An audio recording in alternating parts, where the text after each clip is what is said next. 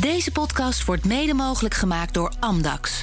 Het handelshuis voor de serieuze cryptobelegger. Hartelijk welkom bij deel 2 van de CryptoCast nummer 215. Het podcastgedeelte. Het eerste deel hebben we het gehad over het laatste crypto-nieuws.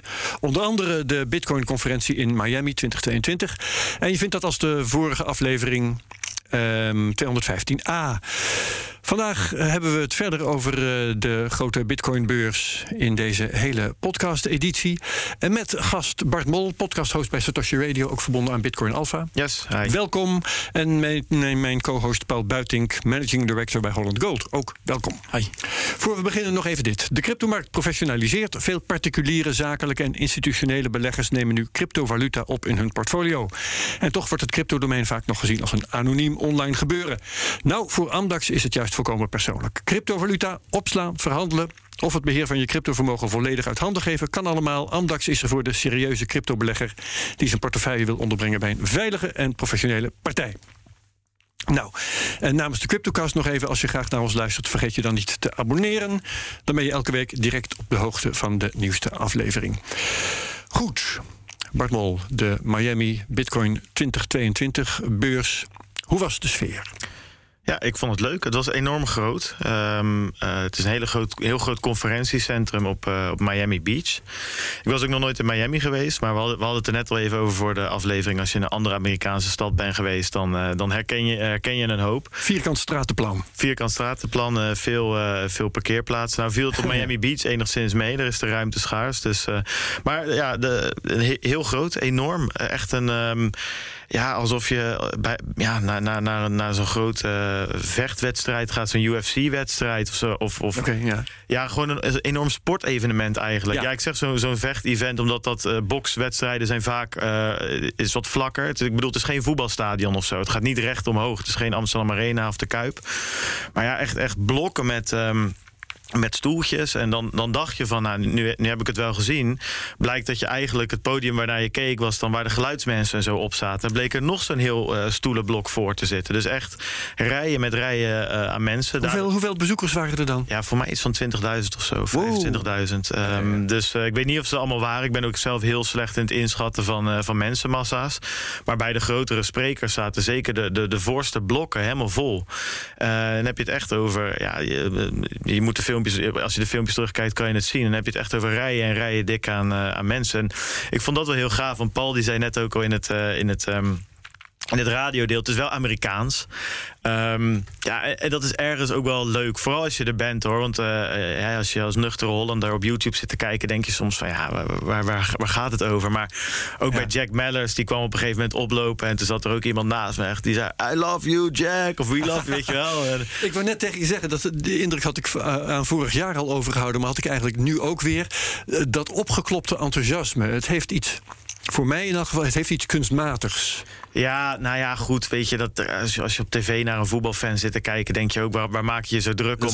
Maar, als je in het stadion zit dan, en het gaat goed en iedereen juicht, dan, Ja. dan, dan, dan voel je dat ook wel. En dat is Maar hier- misschien is, is dat het juist wel. Het is het enthousiasme dat ik associeer met sportwedstrijden. En we hebben het hier wel over iets anders. Ja, het- We gaan niet bitcoin aanmoedigen om... Nou ja, dat, dat is het een beetje. We, hadden het er, we waren met een hele groep eh, eh, Nederlandse bitcoiners daar. En Ja. toen hadden we het op een gegeven moment tijdens het, tijdens het avondeten een keer erover. Het is toch eigenlijk raar. Ik bedoel, niemand staat toch ook te juichen als de ECB eh, nieuwe euro in de nieuwe, misschien wel een integratie met de euro en de dollar. Direct onwisselbaar. Nee, maar ja, dat is toch wat het wel een beetje is. En, en, en veel mensen, eh, bitcoin is een beetje internetculture natuurlijk. Dus kennen elkaar van fora, van Telegram. En natuurlijk ook wel wat meetups hè, sinds een Ja. aantal jaar in Nederland. Ook weer helemaal, eh, ja, weer helemaal terug. Eh, Jan-Willem Burgers die organiseert er eentje in, in Amsterdam. Een hele leuke vind ik zelf.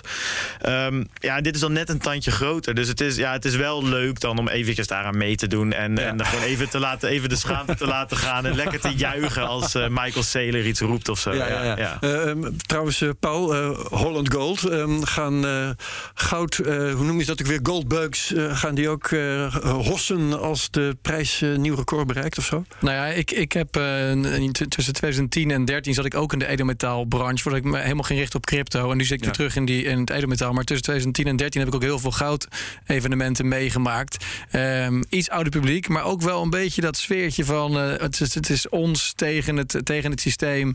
Um, en ook wel gejuich en gejoel, dat Amerikaanse. Maar niet zo extreem natuurlijk als, als hierbij mm. bij Bitcoin. Maar het, het, hoort, het, ja, het hoort erbij. Het is enerzijds Amerikaans, anderzijds ook een beetje dat tribalen van oké, okay, uh, wij proberen als groep de wereld beter te maken. En dus is er een soort van strijd en moet je uh, elkaar gaan supporten. En het is, het is een, dat sfeertje hoort er wel bij. Dan kom je niet, ja. ik denk niet aan als je een nieuw, als je een nieuw geldsysteem wil proberen neer te zetten.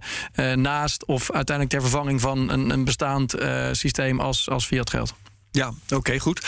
Um, Bart, mijn indruk was, uh, het viel een beetje tegen met het nieuws. Klopt dat? Ja, maar dat, dat, dat hebben we. En dan, uh, dan spreek ik even voor de sprekers, zeg maar, als zijnde Bitcoin is een beetje aan onszelf te wijten, vind mm -hmm. ik. Um, He, je had bijvoorbeeld Samson Mao, uh, die, die, die ja, van weken van tevoren op Twitter allemaal aankondigingen. En die, die zei van ja, ik heb wel vijf microfoons nodig, want ik heb zoveel mic drop momenten. van zo, zo die, die microfoon laten vallen.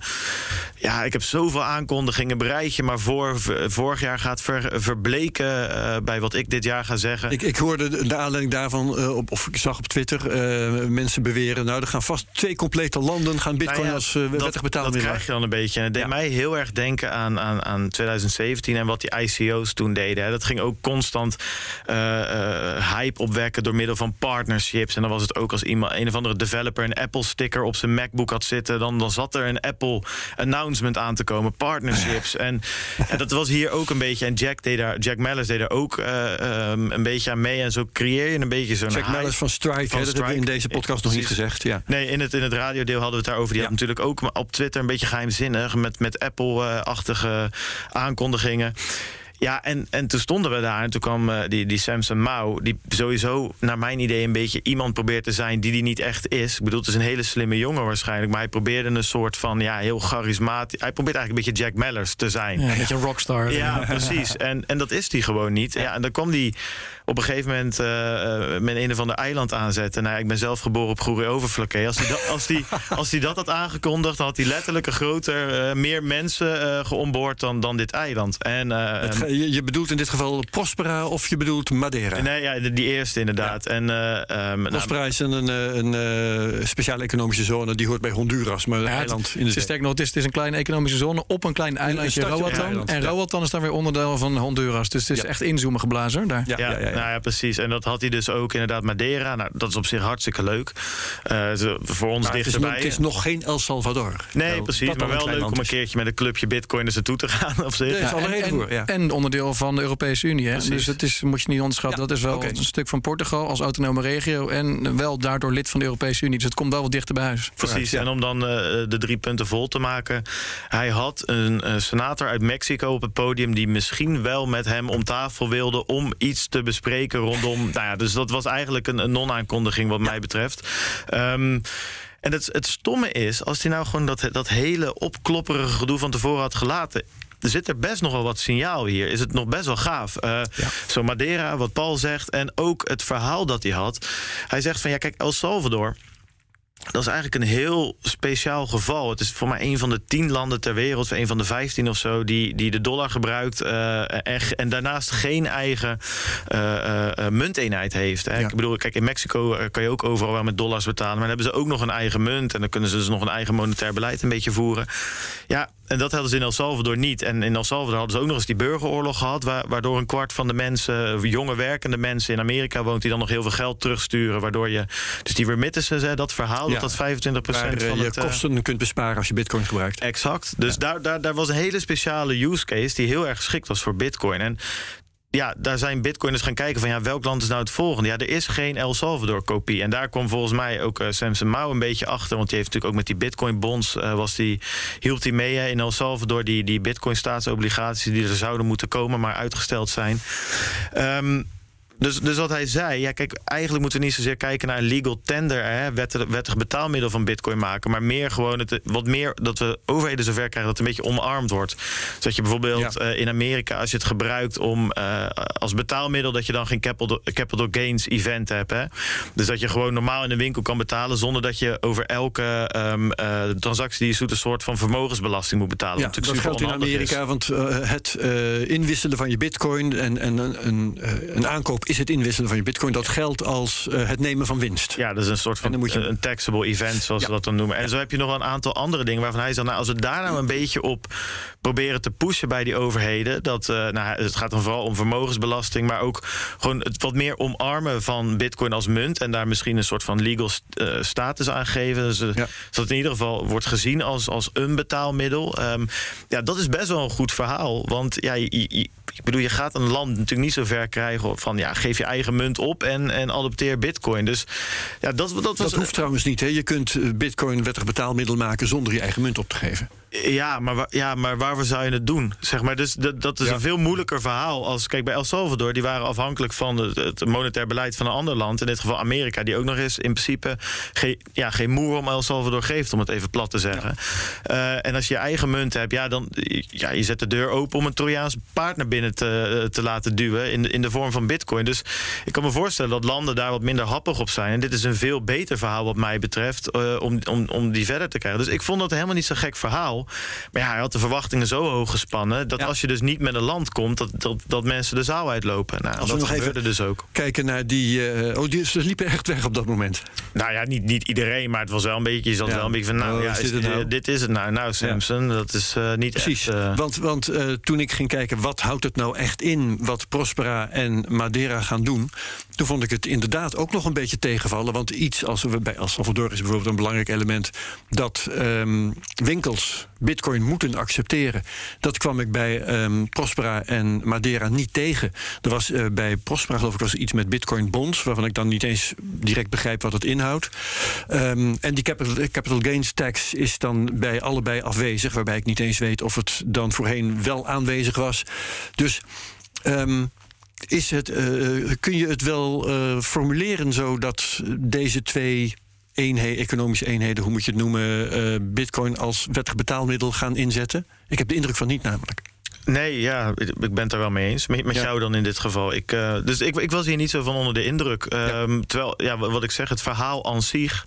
Hè, wat je bijvoorbeeld ook in El Salvador, wat je wel zou kunnen kopiëren. Want veel bitcoiners die, die vinden dat verplicht betaalmiddel maken helemaal niet zo'n goed idee. Dat, dus, bitcoin mag je gebruiken, maar het hoeft niet. Dat, dat, dat, dat, dat valt een beetje in het. Dat is een beetje het ethos van bitcoin. In, mijn, in, in, in mijn idee in ieder geval. En, uh, maar als overheid, hè, het helpen, het stimuleren, bijvoorbeeld door het aanbieden van een wallet, uh, bijvoorbeeld door het aanbieden van uh, een point-of-sale integratie of whatever. Dat je daar als overheid bij helpt door middel van subsidie of door het zelf te bouwen of weet ik veel. Ja, dat is een beetje de, uh, de, wat hij volgens mij bedoelde. En daar sta ik best wel achter. Maar goed, ja, dat kwam niet helemaal uh, over de bühne. Mede door, door wat hij van tevoren ja. gezegd had. Ja, Paul, wat vond jij? Ja, zeg het maar. Ja, Prospera, dat is ook wel wat wel grappig daaraan is dat uh, dat is een klein stukje dus op het eiland Roatan uh, waar straks Bitcoin wel een wettig betaalmiddel is. Je kan daar je belastingen en je fees mee betalen. Dat is wat is namelijk okay, een, dat is een element. Het is ja. een autonome zone. De overheid het accepteert. Ja, Honduras staat dus toe dat in, in Prospera er andere wetten en regels gelden dat ze daar autonoom mogen opereren om dat gebied dan verder te ontwikkelen. Ze willen daar gewoon een, een, een nieuwe, nieuwe Dubai van maken feitelijk. Of, uh, dus, dus op zich is dat interessant. Het is natuurlijk wel weer een concurrent dan, zou ik zeggen, van Bitcoin City in, in, in El Salvador. Hè. Dus enerzijds, we kunnen niet heel veel van dit soort plekken op aarde hebben waarschijnlijk. Is dat zo? Nou ja, hoe, hoe, meer hoe, nou, hoe meer hoe beter. Maar als jij in die, ja. in die regio kun je straks kiezen als bedrijf om jezelf te laten vestigen, al is het maar op papier, in Prospera of, of in Bitcoin City in El Salvador. Ze willen namelijk ook gewoon heel veel bedrijven aantrekken op papier door heel makkelijk vergunningen uit te geven geven. Dus ja. het in die maar zin als je ervan uitgaat dat de cryptowereld nog wel even blijft groeien, dan is er toch ruimte genoeg voor iedereen. Ja, maar je kan ook, ik kan me voorstellen, zeker zo'n Samson Mao, die, die, die toch ook betrokken was bij, bij El Salvador, dat je in eerste instantie al je energie daarop wil richten, dat, dat je dat groot maakt. Want anders krijg je al heel veel kleine projectjes die, niet, die niks worden. Je kunt beter, denk mm. ik, als community heel veel energie steken in het groot maken van het El Salvador-verhaal. En dan eens gaan uitwaaieren. Anders ben je misschien te breed gespreid.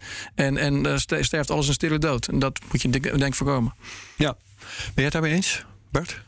Ja, ik ben het er wel mee eens. Ik denk ja. dat industrieën zich sowieso vaak concentreren op, op, op plekken. Um, die, die, die, uh, bijvoorbeeld San Francisco en natuurlijk Silicon Valley is daar een voorbeeld van. En dat is niet voor altijd. Ik bedoel, daar vertrekken nu ook weer veel bedrijven naar een andere plek. Maar het is volgens mij niet zo dat die zich dan een soort. dat dat dan over zichzelf over de wereld of over Amerika verspreidt. Ik schijn nu dat er veel naar Texas gaan.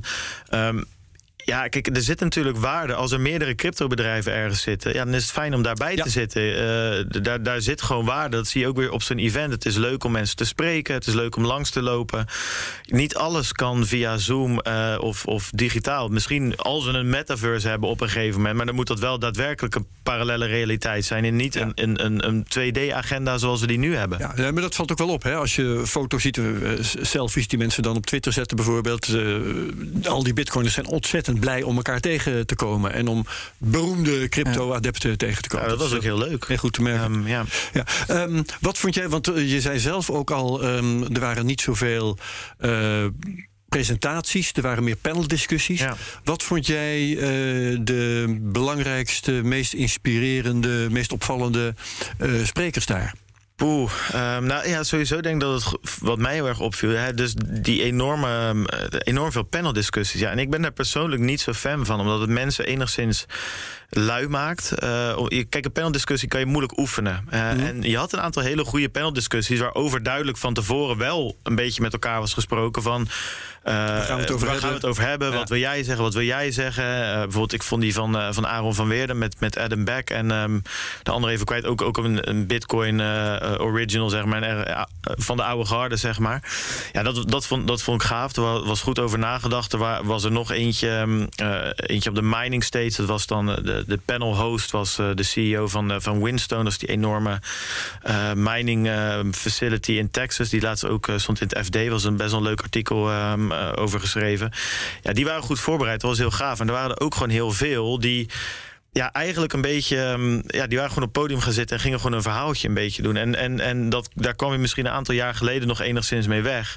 Maar nu is die, was het zo groot en zo professioneel dat je het eigenlijk niet kan maken. Om daar, ja, er gingen mensen die zaten. Een beetje voor de vuist te gaan zitten ouwe hoeren. Ja, precies. Ja. En, en uh, dat, dat is op zich. Er waren ook wel stages waar dat dan, dan kon. Dat was meer zeg maar de Bitcoin maximalist die daar, weet ik veel, het over meme warfare. Vind toch alles geweldig? Ja, die ging het over meme warfare hebben en dat soort dingen. Dat, daar zijn we ook heen geweest, gewoon even voor de lol. En dat, maar dat werd in ieder geval dat werd dan echt een gesprek. Hè? Daar, daar, daar was helemaal niks scripted. Dus dat was dan ook wel weer, wel weer grappig. Maar ik heb op het hoofdpodium toch een paar keer dat ik dacht van... nou ja, jongens, um, dit, dit, gaat, dit, dit duikt niet echt uh, dieper onder de oppervlakte. Nee. Dus, ja, de... Maar inhoudelijk, uh, Bart, wat, wat vond je nou de in, meest interessante mededelingen die je nou hebt ja, gekregen? Dus dan krijg je dus op een gegeven moment... De, springen de mensen die wel een presentatie geven... die springen er meteen uit. Dus ik Mhm. vond Pieter Thiel vind, vond ik leuk... hoewel ik het niet, niet eens een fantastisch verhaal vond. Het was in ieder geval, ging het wat dieper. Hè, had het dan over, uh, over, over geld. En uh, dat had te maken met, had je aan de ene kant store of value... had je tekende een soort grafiek, store of value... en, en snelheid van geld, omloopsnelheid. Nou, dan cash zat dan een beetje in het midden. En dat was dan interessant, omdat we het altijd... als we het over geld hebben, het over cash. Maar cash is eigenlijk, heel, eigenlijk een uitzondering. Want alle anderen, volgens hem, die zitten aan de uiterste. Dus uh, creditcards zijn een hele hoge omloopsnelheid. Maar dan heb je weer weinig store of value. En dan had je aan de andere kant weer goud. Nou, dat is moeilijk qua omloopsnelheid, maar er zit weer store of value. Dus vond ik een interessant... Um, interessant verhaal. Nou ja, Jack Mellers, ja. wat ik al zei, dat was wel echt. Uh, dat was gewoon een goed verhaal. En dat was een van de weinige presentaties waar, waar, waar, de, waar de graphics waren, waar de Daar illustraties hebben we het in de, waren. het radiodeel over gehad. Maar dat ging dus over het uh, mogelijk maken van uh, bitcoin als betaalmiddel voor een waanzinnig groot ja. aantal winkels en webshops. En hij leidde dat in door dus uit te leggen hoe creditcards werkten door de jaren heen. En dat was best wel, best wel grappig gedaan met de een of andere biljonairsclub die met betaalkaarten begonnen te werken om, dat, om, om een caviar te betalen. Dat vertelde hij. Nou, dat, um, dat vond ik leuk. Dus ik denk, uiteindelijk was het voor mij vooral op de, op de hoofdstage waren het uh, de echte de, de, de keynotes, de presentaties. En uh, vooral daarnaast voor mij de mining uh, stage, de kleinere zalen, dus mining en open source, vond ik heel interessant. Daar werden dingen verteld, ja, gewoon die niet echt samen te vatten zijn nu, maar dus echt technische diepte in qua Lightning. Er was meer open source uh, stage en technische diepte in qua mining op ja. de mining stage. Ja, nou we moeten het daar uh, toch wel een beetje over gaan Zeker, hebben, vind ja. ik. Um, dus uh, nou, laten we Lightning bij de kop uh, nemen. Ja. Wat erg opviel, dat was dat heel veel bedrijven nu de stap zetten en zeggen wij integreren Lightning. Ja, dat is al een, een, een trend die nu Mm, ja, laten we zeggen, een half jaar ja. bezig is. Allerlei exchanges hebben het al gedaan, hè? Nou, dat, viel- dat viel dus wel mee eigenlijk. Die exchanges. Kraken. ehm, ja, ik de Coinbase volgens mij ook. Nee, Nee? Coinbase nog niet. Oké, nou Eh, er, er wa- er waren er wel een aantal die het al een tijd deden, maar dat, ja, dat waren nog geen Amerikaanse exchanges. Je had natuurlijk wel de Cash App die, eh, die, die er wat mee, eh, mee deed. Maar Kraken was toch ja, was voor mij heel erg significant, omdat dat twee dingen. Het is dus vol- volgens mij de eerste grote Amerikaanse exchange die dus withdrawals en deposits mogelijk maakt via Lightning. Dat is één. Ten tweede maakt het, ehm, eh, ja, vult het een, gat in wat er was. Ehm, je Lightning Node eh, of je Lightning Wallet bijvullen ehm, door euro's om te zetten in Bitcoin, dat was niet moeilijk, maar wel een, een, eh, een beetje een tergend proces. Je moet eerst Bitcoin kopen en dan koop je on-chain Bitcoin. Dat moet je dan naar je Lightning Node of naar je Lightning Wallet sturen. Dan moet je het daar weer omzetten naar, naar, naar, naar Lightning eh, Bitcoin, om het zo maar te zeggen. Ja, dat waren gewoon drie, vier stappen. Dat was gewoon onhandig. En nu kan je dus gewoon naar Kraken gaan. Dan zeg je van oké, ik koop 100 euro aan Bitcoin. En da- daarna zet ik het met Lightning naar de plek waar ik het wil hebben. Dus naar mijn eigen wallet. Ja, dat, dat is iets wat mist. En het grappige is dat je dus nu... eh, we waren met best wel een groep Nederlanders op die beurs... die natuurlijk allemaal een eigen nood en allemaal eigen wallets... en noem het maar op hebben. Ja, als die dan leeg is, dan kan je best wel makkelijk even een refill doen. Gewoon via kraken achter je laptopje. En eigenlijk binnen vijf minuten eh, kan je betalen. En dat kon dus ook op die beurs. Je kon eh, je eten kopen en alle t-shirts en dat soort dingetjes. Boeken, eh, kunst. ging allemaal via Lightning. Dus ik had eigenlijk om, om de eens op de som eh, te doen, had ik, had ik mijn creditcard thuis gelaten. Of althans in, in het huisje waar we zaten. Ja, en ik heb het drie dagen volgehouden op die exchange. Ehm, eten, drinken, souvenirs, noem het maar op. Volledig met Lightning. Ja, en, en dat is voor mij eigenlijk het grootste eh, signaal eh, dat dat kon. Ehm, en daarbij komt nog eens kijken. En dat, daar was ik, ja, dat, als je er veel mee bezig bent, want ja, volgens mij ik had het nog net even opgezocht. Bijna twee jaar terug zat ik hier ook om te vertellen over het Lightning-netwerk. Ja. En, en ehm, ja, dat is wel echt iets waar, waar mijn hart sneller van gaat kloppen in ieder geval. Zeker om dus nu te zien dat, dat al die bedrijven daar dus ook mee aan de gang gaan. We hadden Robinhood, die eh, grote, hele grote ja, eigenlijk aandelen eh, exchange, om het zo maar te, te zeggen, met, met, app, met een app en eh, noem het allemaal op. 2 miljoen gebruikers of zo. Dus echt wel een grote jongen. Die, die daar kun je ook bitcoin kopen. En dat kan je dan nu ook met Lightning eraf halen of, eh, of er naartoe eh, versturen. We hadden Robinhood of eh, Kraken, we hadden BitPay, de Cash app. Die, die, daar kan je nu salaris uit laten betalen in, met Lightning. Lightning Labs had vorige week volgens mij 70 miljoen aan funding opgehaald. Ja. Die, die werken aan een van de Lightning protocollen. Dus ja, dat, dat, dat, dat, dat vind ik gewoon heel cool. Ehm, en het grappige is dat dus Jack Mellers staat op het hoofdpodium te vertellen dat wat Strike allemaal doet. Want eigenlijk wat Strike doet is. Eh, wat, wat, het, wat het belangrijkste is, is dat ze heel makkelijk bitcoin omzetten in dollars en dollars in bitcoin. Dus eh, als, als verkopende partij ehm, kan je bijvoorbeeld je klanten laten betalen in bitcoin en zelf dollars ontvangen. Als je geen zin hebt in het valuta, sorry, in het, eh, de volatiliteit, het risico. Ja, je wil gewoon geen bitcoins vasthouden, inderdaad. En ehm, waar Bitkassa in Nederland dat eerst ook deed, in- in 2014 Ja, al. BitPay natuurlijk al heel vroeg. Precies. ehm, Uh-huh.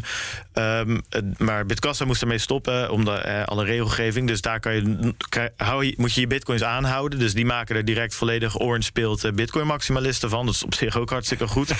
maar in, ehm, ehm, eh, het grappige is, en dat zag ik in El Salvador al. Ja, het strike, dat, dat is marketingtechnisch heel leuk. Maar ik zag vooral OpenNote, ehm eh, Ebax. eh, dat zijn twee andere partijen die eigenlijk hetzelfde doen. Dus eh, eh, Lightning-integratie in point-of-sale terminals. En op deze beurs, overal waar je betaalde met Lightning, was het dus Ebax. Eh, in El Salvador, als je bij de, bij de Starbucks of bij de McDonald's, was het Ebax en, en OpenNote die je gebruikte. En het leuke vond ik dus, naast alle stages die je had... waar mensen stonden te praten... en eh, de Michael Saylors en de Katie Woods en de Lynn Eldens... en noem het allemaal maar op... Ja. had je dus ook een grote expo-hal. En daar had ik het idee dat je toch... Nou, eh, Paul die mag zo vertellen hoe het in, in 2014... Aan dat, in dat soort eh eh, conferentie eraan toegang, toeging... Ehm, en ik kreeg een beetje het gevoel dat ja, hier kon je gewoon. eh, Er stond er zo'n bedrijfje. En, en dan kon je gewoon. De CEO stond daar gewoon. Om, ja, ik bedoel, een bedrijf van 10 of 20 of 40 man. Kon je gewoon even een praatje maken. En dat was, vond ik, het leukste. Omdat ik dus die, die, die hè, dus die payment provider voor Lightning, die stond daar ook met een standje. En dan stond ik opeens met, met de country manager van El Salvador te praten. En toen vroeg hij van, joh, weet je een beetje wat we doen? Dus kon ik een filmpje laten zien dat ik in El Salvador stond te betalen met een, nou ja, goed. Dan sla je zeg maar een aantal stappen over in, de, in het kennismakingsproces. en dan ben je ja, opeens ja. beste vrienden. Ja, leuk. Dus van ja, gaaf. En als je in El Salvador bent, kom langs op kantoor en dat soort dingen. En het is heel leuk om die mensen eens te spreken. En dan kan je dus meteen vertellen van ja, uh, tof product, maar bij mij werkte dit niet zo goed. Dus het is eigenlijk ja, een heel, heel gaaf gesprek. Er waren nog een aantal andere bedrijven. Uh, Voltage bijvoorbeeld, om er eentje te noemen, vind ik cool. Uh, dat valt meer in het standaardisatieproces, wat je dus heel erg zag op die beurs. Mining standaardisatie, Lightning, Bitcoin. En bij Lightning is er gewoon heel erg vraag. Uh, merken wij ook in Nederland. Uh, uh, via Stoshi Radio hebben we een heel programma waar mensen Lightning Nodes kunnen installeren. En inmiddels mm -hmm. hebben we meer dan 500, zo, ja, denk 600 man zo'n zo'n node geïnstalleerd. Er zitten ook ondernemers tussen die zeggen: Ik wil dit voor mijn bedrijf. Maar niet met een Raspberry Pi, want die valt er zo nu en dan uit. Heb ik allemaal, dat is leuk voor thuis, leuk voor hobby. Maar ik wil gewoon eigenlijk zoals je uh, als, als bedrijf ook gewoon cloud uh, hosting voor je website uh, doet. Dat doe je ook niet thuis op een, zelf op een servertje. wil je dat voor Lightning eigenlijk ook? Nou, Voltage is een bedrijf dat dat doet. die bieden dus gewoon hosted Lightning nodes aan, waar je wel zelf je custody hebt. De keys zijn van jou. Maar zij zorgen gewoon dat die 24-7 draait. Ja. Nou ja, dat zijn dingen waardoor je dus ziet van ja, dat hebben we wel nodig. En, en, en nou, het is heel leuk om daar dus praatjes te kunnen maken met. Ik denk, nou, er zullen een aantal van die bedrijven uh, verdwijnen. Maar grote kans dat er ook eentje zit die volgend jaar of twee, over twee jaar op het hoofdpodium staat. Ja, en om die dan gesproken te hebben, dat is wel heel erg leuk. Ja, ja. Um... Er, er, zou dus een, een um, piek kunnen optreden in het gebruik van het Lightning-netwerk. Uh, kan het Lightning Network dat aan? Um, allerlei duizenden nieuwe webshops, duizenden nieuwe winkels die er gebruik van gaan maken? Ja, dat gaan we zien. Daar, daar, dat is een hele goede vraag. Dat, dat kwam ook bij ons op van, ja, is dit nou wel... Het is aan de ene kant heel gaaf dat je dus hè, eh, Bitcoin, hè, on-chain, dat is toch een beetje geëvalueerd naar store of value. En, en twee jaar terug zaten we met z'n allen, of drie jaar terug, van ja, betalingen zijn eigenlijk te duur. Het hele, het hele peer-to-peer uh, cash system, ja. wat, uh, wat, wat, wat in, in de whitepaper stond, ja, dat, dat was een beetje verdwenen. Door de fees. En, ja, door de ja. fees. En, en, en het is ook gewoon niet handig met, met block times. Is gewoon, ja, soms moet je 10 minuten, 10 ja. minuten wachten voordat iets überhaupt uh, geconfirmed is. Dan nou ja, vraag maar Patrick van der Meijden van Bitkassa. Die moest op een gegeven moment zero confirmations uh, uh, transacties eigenlijk accepteren. Omdat anders werkt het gewoon niet in restaurants. Dus dan neem je een bepaald risico. niet een enorm risico, maar wel een, een, een, risico. En ja, dat zie je nu um, met Lightning zie je dat er nu echt hè, dat, dat dat betalen weer helemaal hot and happening is. En dat, dat is helemaal opengetrokken weer. Ja, en dan is het de vraag, kan dit inderdaad? Ja. Um, Wat zou er mis kunnen gaan? Waar kan de capaciteit tekort schieten? Nou ja, um, uh, channels, die, dus kanalen die, uh, die, die, die niet goed gemanaged worden. Uh, het kan misschieten met gewoon überhaupt uh, een soort van systematische problemen die er nog een beetje zijn. Joost Jager heeft volgens mij in deze podcast ook wel eens heel goed uitgelegd hoe dat zat. Je kan bijvoorbeeld een soort van DDoS-attack doen op kanalen. En dan kan je dus die liquiditeit leegtrekken. Nou, niet eens per se leegtrekken, maar vastzetten voor een bepaalde periode. En ja, als je dat massaal doet, dan, dan is dus die liquiditeit staat dus vast. Um, toch denk ik, ik weet niet meer, een van die miners zei dat volgens mij. Dus die, die, man van Winston, die zei, want daar ging het ook hoor. Bij, bij mining kwam ook zo'n zo'n soort vraag naar voren. En die zei: Ja, weet je wat het is? The world is in beta. Uh, dus wat hij eigenlijk zei: van ja, het, het, is nooit het goede moment, dus altijd het goede moment. Je moet ook gewoon stappen maken. En ik denk wel, met dit soort bedrijven erachter komt er bepaald kapitaal vrij, waardoor er ook ja, problemen opgelost kunnen worden. Ja. En bijvoorbeeld dus die, uh, ja, eigenlijk dus die, die, die, die, die cloud nodes waar ik het net over had. Maar je ziet dus ook professionele uh, liquiditeitsproviders. Dus echt bedrijven die zich bezighouden met het constant uh, in balans houden van kanalen tussen nodes. Ja, dat, dat, dat had je twee jaar terug niet. En dat zie je nu opkomen. En dat kan alleen maar professionaliseren als een partij als Kraken er is en zegt van die gaat de markt rondkijken en zegt ja jongens, ik heb uh, een kanaal nodig wat constant in balans is. Daar hebben we geld voor over. Wie kan dat voor ons doen? Of we hebben een nood nodig met een uptime van 99,9 procent. Uh, nou, wie kan dit doen? Ja. ja en, en um, dus ik denk uiteindelijk, ik weet niet precies of we er klaar voor zijn, maar dit is wel de manier om dat uit te gaan vinden. Ja. En op te lossen mocht er, mochten er problemen ontstaan. Ja. Hey, Bart, in hoeverre denk jij dat die uh, markets en crypto, crypto asset regulation in Europa straks uh, een, een spaak in de wielen van Lightning kan steken? Met name ten aanzien van, van verificatie van adressen en, van personen? Ja, um, nou dat, dat kan zeker. Er zijn ook wel oplossingen voor. Ik denk dat je met Lightning, en dat, dat zie je nu al, die, dat is een beetje um, het, het nadeel van Strike en Kraken en, en weet ik het allemaal, al die, uh, al die, al die custodial partijen. Kijk, wat bijvoorbeeld zou kunnen, is dat op een gegeven moment de overheid zegt: van nou ja, op zich mag je best wel uh, Lightning als uh, betaaloptie gebruiken als winkelier. Maar dan wel alleen via Strike of een andere app die, of een ander bedrijf wat voldoet aan, aan de geldende wet en regelgeving. Net zoals nu met, met al die cryptopartijen die zich bij de Nederlandse bank moesten, uh, moesten registreren. Kan je dan bijvoorbeeld zeggen van ja, goed, uh, uh, je, moet dus aan allemaal voorwaarden voldoen. En dan kan je een point-of-sale systeem aanbieden. En dat kan bijvoorbeeld ook aan de andere kant zitten. Dat je wel van Lightning gebruik mag maken, maar niet via je eigen. Ja. Maar dat je dus een custodial wallet moet gebruiken. Ja, kijk, dan is de vraag: wat is er dan eigenlijk nog Lightning aan? Wat is nog decentraal daaraan? Ja, niet zoveel. Dan krijg je wel nog het onderliggende asset is wel hard. Ja. Als in, uh, bitcoin blijft bitcoin. En uh, of dat nou allemaal custodial op opties zijn... dan uh, heb je nog steeds bitcoin als onderliggend asset. Nog steeds 21 miljoen, nou, hard geld, dat soort dingen. Maar goed, aan de andere kant, want hier hebben we ook in Miami flink over gediscussieerd... tijdens, tijdens het avondeten en de borrel daarna. Als het allemaal custodial is, ja, dan ligt natuurlijk ook altijd weer fractional banking op de loer. Hè? Dus, dat je, dus dat, je, ja, dat je zegt van nou ja, goed, we hebben wel wat bitcoin in kluis, maar ja, waarom zullen we het niet verdubbelen? Uh, ja, dat je derde partij uh, het gaat uitlenen. Ja, bijvoorbeeld dat je ja. papieren bitcoins krijgt, want het zit toch allemaal in een, in, in een closed systeem. Dus als mensen het er niet uit kunnen trekken, ja, waarvoor zou je dat dan niet doen? Maar dus je krijgt de proof of reserve, zoals we nu ook al hebben. Dus een goede exchange zal bewijzen dat het er ligt en, en, en ja, maar, dat verifieerbaar maken. Ja, en die proof of reserve kan je nu natuurlijk uittesten door het er massaal af te trekken. Dat uh, gebeurt ook, hebben we laatst uh, ja, Nou ja, massaal weet ik niet. Maar dat is inderdaad die Proof of, word, of, proof of Keys Day of zo, elk, elk jaar ja. weer. Ja. Martijn Wismeijer vertelde dat, geloof ik hier. Ja, dus, dus dat... Nee, ik vind het een hele goede vraag. Dus ik denk dat er wel aan voldaan kan worden. Maar dan wel um, op, op de custodial manier. Dus dat dan echt die bedrijven die dus Lightning dingen aanbieden... dat die uh, voldoen. En dan voldoen aan wet en regelgeving. En op die manier... Um, ja, ja, zou je daaraan kunnen voldoen? Maar die 500, 600 uh, luisteraars van Satoshi Radio... die nu hun eigen noot uh, draaien... die, uh, die zijn aan het experimenteren, die zijn aan het pionieren... maar mogelijkerwijs is dat dan voor niks geweest. Dat, ja, dat, dat, dat, dat zou kunnen. Hoewel ze natuurlijk altijd gewoon. Ik bedoel, wij, ik bedoel een BTCP-server is gewoon. Uh, de, daar heb je ook Shopify-achtige plugins. Dat kan je allemaal zelf draaien. Alleen ja, dan, dan blijf je als zeg maar die optie om dus vanaf je, wat Jack Mellers liet zien in zijn filmpje, om vanaf je eigen node te kunnen interacteren met zo'n strike terminal. Hè, dus custodial naar open, open naar custodial, open naar open, naar alle mogelijkheden. Hè.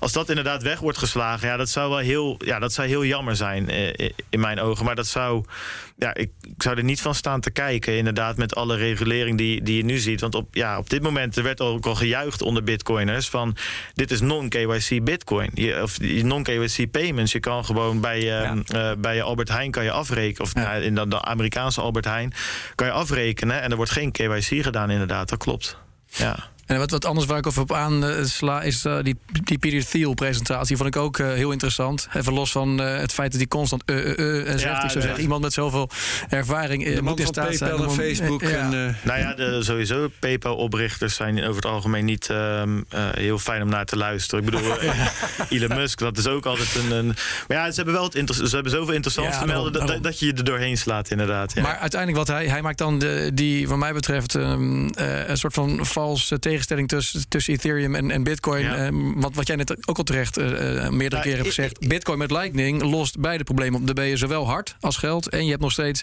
Je kunt de omloopsnelheid pakken. Dus ik, ik vond die vergelijking een beetje fout eigenlijk. Verder ja. vond ik het interessant, maar daar sloeg hij wel de plank mis volgens mij. Nou ja, dat werd ook in de zaal uh, niet met gejuich ontvangen door een gedeelte van de zaal, omdat het gewoon Ethereum was. Hè? Dus ja, als je Ethereum noemt, dan, dan, dan wordt dat niet gewaardeerd. Ja. Um, maar door een ander gedeelte van de zaal die inderdaad zagen van hé, hey, maar dit, wij, wij hebben dit ook. Zeg maar, wij hebben Ethereum niet nodig voor snelle betalingen. Wij hebben het Lightning-netwerk en die hoort daar linksboven te staan. Dat was ja, ja. precies wat je zegt. Dat was ook het gevoel bij, uh, bij veel mensen. Um, ja, ja, goed. Hij, hij, kwam uiteindelijk met een verhaal dat Ethereum dan ook weer niet kon werken of zo. Dus ik vond dat ook niet het. Um, hij was een gemiste kans, inderdaad. Dat ben ik wel met je eens. Ja. ja. Oké. Okay. Uh, Paul, nu uh, jij je toch ermee bemoeit. Uh, we hebben het in het uh, radiodeel al over gehad. Jij was in 2014 al op de eerste versie van deze Bitcoin-conferentie. Um, kun je nog even het, contrast tussen toen en nu in een paar woorden schetsen? Ja, het was, het was in mijn beleving toen al groot met ruim duizend eh, bezoekers. Want we kwamen daarvoor van, van events met tientallen of honderd bezoekers. Dus duizend plus, dat, dat was wel een dingetje. Maar als je dat nu vergelijkt met 20.000, is het natuurlijk weer helemaal niks. Maar het was ook in een grote conferentiehal en ook een expositieruimte. Daar, kon, daar, daar sprak ik ook met Kraken. En ik kreeg toen nog de kans om te investeren in Kraken. Maar ik vond het toen toch... te riskant. Het, was, het ticket was 50.000 dollar. En ehm, dat vond ik, en daar moest ik toch te veel bitcoins voor verkopen. Dat vonden we vond ik niet interessant. Maar achteraf was het natuurlijk wel leuk geweest om dan als een van de eerste, eerste investeerders te zijn. Want Jesse Powell was daar. En het was ook echt wel een sfeertje dat je gewoon met iedereen kon praten. Alle Bitcoin-helden van toen liepen rond. Het is wel iets waar je kunt, waarvan je kunt zeggen: ik was er toen al bij. Ja, Eric Voorhees. Roger Ver, al dat soort gasten liepen er rond. en ja, en Vitalik deed op, op podium toen ook de aankondiging van Ethereum. En die werd na afloop echt gewoon overvallen door iedereen die daar met hem wilde praten. En hij stond daar een beetje zo bij, zo niet wetend ja. wat hij met al die aandacht moest. Ik kwam ook s'avonds nog tegen dan op zo'n afterparty. En dan liep hij daar ook een beetje verdwaasd rond. Ik had nog een selfie genomen. Dan zie je ook aan zijn hoofd van... Tegenwoordig heb je bitcoiners die halen dus hun neus op voor Ethereum. Hebben we het net over gehad. Maar dat was toen nog niet nou ja, aan de hand. Vitalik was natuurlijk super belangrijk in 2012, 2013. toen hij over bitcoin schreef. Hij schreef fantastisch over de werking ervan voor Bitcoin Magazine. Samen met Michael Alisi had hij dat op. die was de oprichter. En dat was, was heel belangrijk in die tijd voor... hij was toen 19 of 18. Hij beschreef hoe dat allemaal werkte. En dat, dus hij was absoluut een van de, van de helden uit de scene toen, absoluut. Ja, um, oké. Okay. Laten we het um, nog over mining gaan hebben, Bart. Want dat was een ander onderwerp waar jij uh, mee thuis bent gekomen als een van de belangrijke uh, onderwerpen van de conferentie de, dit jaar. Ja, nou, Wat is er met mining, mining aan de hand? Nou ja, verschillende dingen. Ja, het milieuaspect natuurlijk wordt veel over gediscussieerd in ieder geval. Ja, uh, ook, op, ook op de beurs trouwens. Mm -hmm. um, wat ik wel interessant vond is. Um, sowieso hoe aanwezig het was. Hè? Dus je had die expo, nou, dan had je bitcoin-bedrijfjes en um, bitcoin-kunst en uh, softwarebouwers, walletmakers, weet ik het allemaal. Maar dus ook ja, heel veel miners of heel veel aanbieders van spullen voor miners. Dus de ene die, had dan, die, die maakte mining containers. En daar zaten de miners dan niet in, maar gewoon containers waar je zo uh, je, je N-miners uh, in, in, kan schuiven. Andere die maakten een soort van uh, vrieskistachtige bakken voor immersion mining. Dus dan, dan dompel je je miners onder in, in, in, in, een, in een soort olie eigenlijk. Voor de koeling, voor de koeling inderdaad. Ja. Dus normaal wordt het allemaal luchtgekoeld, maar dit is dan, dan dit, dit is weer geavanceerd en het heeft ook weer allemaal voordelen.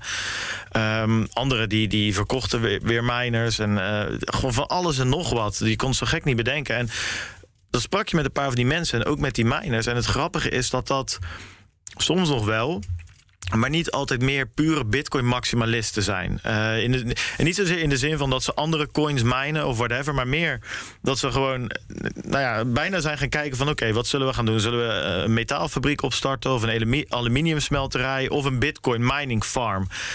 Nou, laten we bitcoin mining doen. En dus ze beheersen de facetten die ze nodig hebben voor een bedrijfsvoering tot in de puntjes. Maar bijvoorbeeld een filosofische discussie dat bitcoin gebruikt wordt in, uh, in Afrika om, uh, om sancties te ontlopen. Of, of, of, sancties van een dictatuur of, uh, te ontlopen of, of weet ik veel wat. ja, dat. dat dat interesseert dan even niet zoveel. Het is meer van, ja, echt dus, dus die mining als industrie en die, die technische kant helemaal tot in de puntjes beheersen. En dat vond ik wel heel gaaf om te horen. En dan heb je het bijvoorbeeld over Um, ja, nieuwe manier om de grid, het elektriciteitsnetwerk wat onder de grond ligt, te, te, te gebruiken. Zeker uh, nu er steeds meer hernieuw, hernieuwbare energie gebruikt wordt. Hè, die dus niet constant is. Maar ja, als, nou, we kennen het allemaal als de zon harder schijnt, dan heb je meer energie. En s'nachts heb je geen energie van zonnepanelen. Ja. Nou, dat is een hele andere manier hoe je, hoe je grid dan, uh, dan werkt. Nou, immersion mining, waar ik het over had. Hè, we stonden met zo'n mevrouw te praten, die dus van die, uh, van die, van, van, van die koel, ja, koelkasten maakt, hè, of vrieskisten maakt, waar, waar, waar dan die miners in zitten. Ja, die zei van, nou, het is ten eerste veel stiller, dus je kan ze veel makkelijker op. Je hoeft niet in de middle of nowhere in, ergens in uh, Texas te zitten. Um, maar wat ook heel interessant is, uh, die koelprestaties zijn dus veel beter, waardoor je die chips ja. veel hoger op kan, uh, over kan klokken. Dus dat betekent dat je oude miners veel harder kan laten draaien. Nieuwe trou trouwens ook. Maar dat betekent dat oude miners in zo'n bak met olie... dus uh, nog wel uh, winstgevend kunnen zijn. Terwijl als je ze in een koel, luchtgekoelde container zet, niet. Ja, dat, dat is heel interessant, vond ik Um, nou, die responsive grid vond ik, uh, vond ik interessant. En we hadden op een gegeven moment dus bij ons huisje nog een soort van Nederlandse Bitcoin meetup georganiseerd, een Bitcoin barbecue. En uh, daar kwam ook Jelmer ten Wolde langs met, uh, met de andere mensen uit zijn bedrijf. Die is hier natuurlijk ook een keer te gast geweest. Ja. En nou, daar had ik nog wel wat vragen aan die, die mannen naar aanleiding van, van die podcast. Um, om nog veel. Nou ja, daar, daar kon ik eindelijk eens een keer vier uur lang over zo'n warmtekrachtcentrale of WKK, zoals dat dan heet, ja. praten en, en hoe dat dan zit. Ja, dan kom je er opeens. Um, achter dat je dus uh, miners aan de ene kant kan gebruiken als er dus overcapaciteit is. Hè? Dus als er te veel energie is. Precies, als de netbeheerder er eigenlijk vanaf moet. Ja. ja, niet eens, dus niet eens weggooien, maar meer dan moet dat gewoon van, van, van, dat net af. En dat moet dus eigenlijk een soort van opge, opgebruikt worden. Nou, daar kan je miners voor gebruiken. Je kan aan de andere kant dus miners gebruiken. Dus dan koppel je ze aan zo'n warmte, zo'n zo WKK. Daar gaat gas in, daar komt warmte en CO2 uit en elektriciteit. Die elektriciteit gaat normaal terug naar het net. Maar wat je nu kan doen, als je nog meer warmte nodig hebt, dan koppel je dus miners eraan. Krijg je nog meer warmte ja. en je krijgt bitcoin.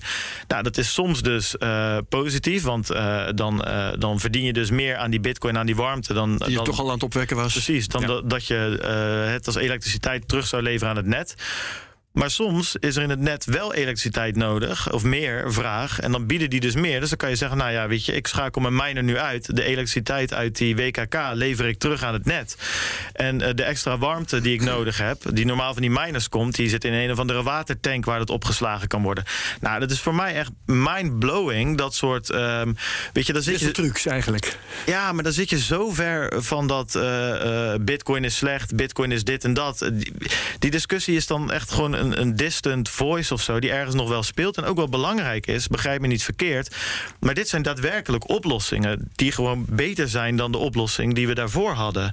Um, ja, en dat, en dat soort dingen werd, werd over die beurs wel, wel flink over gesproken. En ja. dit, dit, is samen te vatten als heat as a product uh, in, in plaats van uh, as a waste. Dus het is geen uh, ja, rest, die restwarmte of die warmte die van die miners komt, dat is geen afval. Dat, dat is het product. Eigenlijk ja. het bitcoin is nou ja, niet afval, dat, dat is het restproduct. Om, om een andere kreet even te slaken, uh, werd onder andere gezegd door Nick Carter: Every major energy producer will mine Bitcoin in the future. ben je het daarmee eens?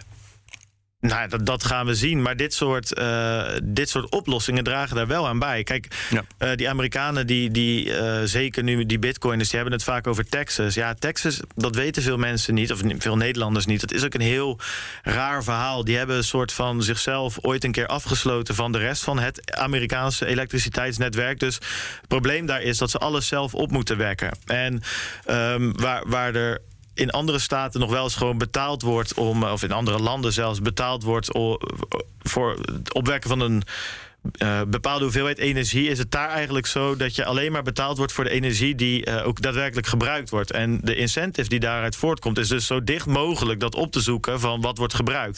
Het probleem daar dus is dat je eigenlijk constant ja, op, op de rand zit, want dat is het meest winstgevend. Maar als dan een ja. keer echt een uitschieter nodig is met, met meer energie, ja, dan, dan klapt het er helemaal uit. Zeker als het dan opeens nog als een gek begint te vriezen, zoals een jaar of twee terug. Ja, dan ben je in één keer helemaal klaar. Dus in Texas is juist heel veel vraag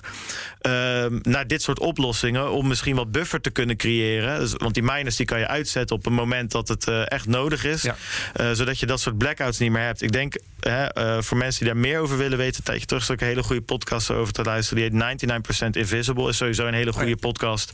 en die aflevering heet Gridlocked. En daar gaan ze eigenlijk helemaal in hoe, waarom Texas zo'n speciale, zo'n speciale situatie is. Maar ook in andere plekken op de wereld kan dit heel erg helpen, denk ik. Ja, verwacht jij dat door dit soort ontwikkelingen de weerstand, waar we de laatste tijd zoveel over horen en lezen tegen mining, dat die um, kan afnemen? Nee, denk ik niet. Oh. Nee, want dat is gewoon een, dat is gewoon een hele, nee, maar dat is een hele populistische discussie, wat mij betreft. En uh, dit speelt zich af tussen de, de soort van de elektriciteitsmaxies, hè, de elektriciteitsmaximalisten. Om even dat, dat, dat, dat waar je ook bij, bij, bij Bitcoin ziet van het gaat heel vaak over de prijs en, en gaan we omhoog, gaan we omlaag. Dat vinden heel veel mensen het interessant. En in de achterkamertjes zit inderdaad, wat Paul net zegt, zitten de Vitaliks en de, en, en, en de Adam Becks en whatever. Een het beetje uh, ja, het, het, echte werk te doen, inderdaad. En uiteindelijk betekent het wel als dit volledig. Hè, um, Um, in de industrie wordt hier wel naar gekeken, puur omdat het gewoon geld oplevert. Het is kostenbesparender of, of het levert extra geld uh, op. Het is uiteindelijk uh, gewoon winstgevender om het wel te doen.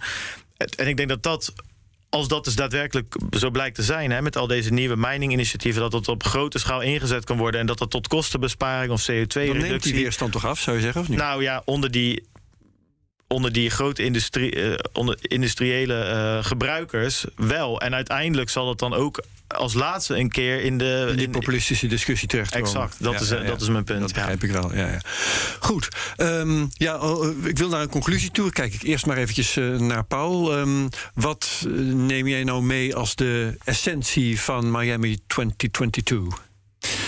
Ik denk um, dat we meer moeten focussen vanaf nu op, op dit soort echte fundamentele goede ontwikkelingen aan de achterkant. En minder op de hype van land hier, uh, bedrijf daar. Dit zijn gewoon hele positieve ontwikkelingen die Bitcoin op termijn alleen maar sterker maken. Ja. We leven natuurlijk een hele bijzondere tijden met hoge inflatie en, en uh, compleet wantrouwen tussen landen onderling. Dus de komende jaren gaan monetair gezien heel interessant worden. En Bitcoin moet zich voorbereiden op een belangrijke rol in de toekomst. En dan hebben we meer aan dit soort uh, fundamentele verbeteringen op protocol en op technieklevel dan, dan hype. En, en wat dat betreft uh, ben ik blij met, met de samenvatting die Bart uh, gaf. En het geeft me hoop dat we, dat we sterker worden. Ja.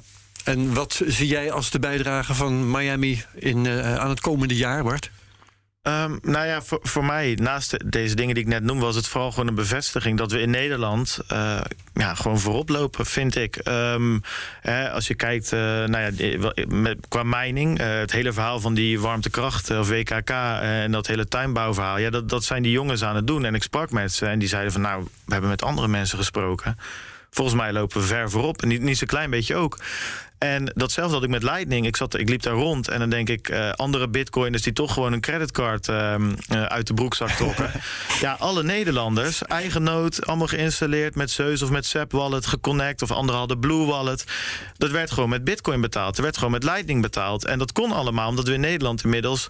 Met, hebben, Stef was hier ook een tijdje terug van Connect the World... met, hm. met de Rings of Fire. Ja, ja dat, dat is een project waarmee we achter... toen we het deden dachten van ja, het is leuk om allemaal geconnect te zijn. En, maar wat hebben we eraan? Ja, dat we nu gewoon geen payment failures hadden. Er is altijd een route. We hebben grote uh, nodes in Nederland die vol liquiditeit zitten. We kunnen overal konden we betalen. Jullie hebben zo'n beetje de infrastructuur daarvoor geschapen. Ja, nou, met ja. elkaar. En, en het grappige is dus, uh, en dat is wat ik hieruit meeneem... ja, daar moeten we volgas uh, mee doorgaan. Dus als je luistert en je denkt van, nou, dat, dat klinkt wel leuk... ja, 200 euro, uh, dan heb je een, een, een Raspberry Pi... dan heb je een harde schijf en dan kan je van start. Je kan het integreren op je webshop, je kan er tegenaan gaan programmeren... je kan ermee betalen, je kan er Telegram-bordjes aan koppelen... je kan het hele netwerk gaan mappen... je kan je richten op, op, op, op, op het van de transactiefees en kijken hoe je kanalen in balans kan houden. Ja, het is, het is een rabbit hole die je heel ondiep kan houden, die heel diep kan maken. En het is allemaal leuk om te doen. En ja, ik merkte wel van, uh, toen we ermee begonnen, dacht ik nog wel eens, ja, Lightning, ja, wordt dit wat?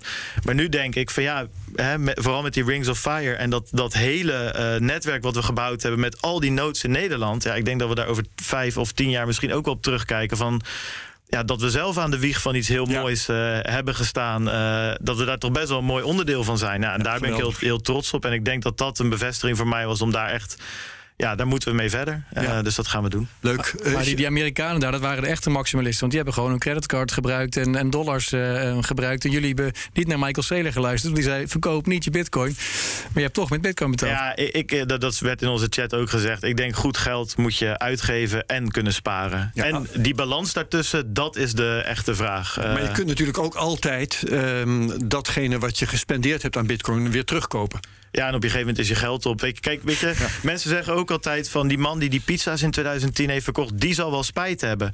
Nee, maar ik, hij niet. Maar ik heb nee. in, nee, omdat hij heel veel bitcoins voor mij sowieso heeft. Maar ik heb in okay. 2010 ook pizza's gekocht met euro's die ik ook uit had kunnen geven aan bitcoin. Dus het ja. is niet zozeer van geef je euro's uit. Ik denk dat je bij elke aankoop moet nadenken van geef ik ze uit aan pizza's of koop ik er meer bitcoin van? En ik denk dat die vraag hou je altijd. Of je nou euro's uitgeeft of bitcoin uitgeeft. Dus ik, ik vind het leuk om bitcoin uit te geven. Ja. Ik geef ze graag uit. Prachtig. Ja. Um, heb je een kaartje voor 2023 al gekocht?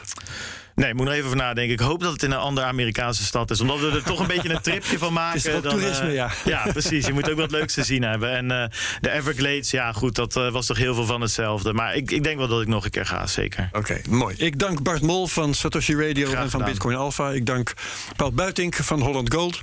En zet de CryptoCast van volgende week in je agenda. Want dan hebben we een gesprek met Wesley van Heijen over de toekomstplannen van Ethereum. Vandaag ook al aan de orde geweest. Co-host is die keer Krijn Soeterman. En vond je deze aflevering leuk? Vergeet hem dan niet te delen met je volgers op Twitter.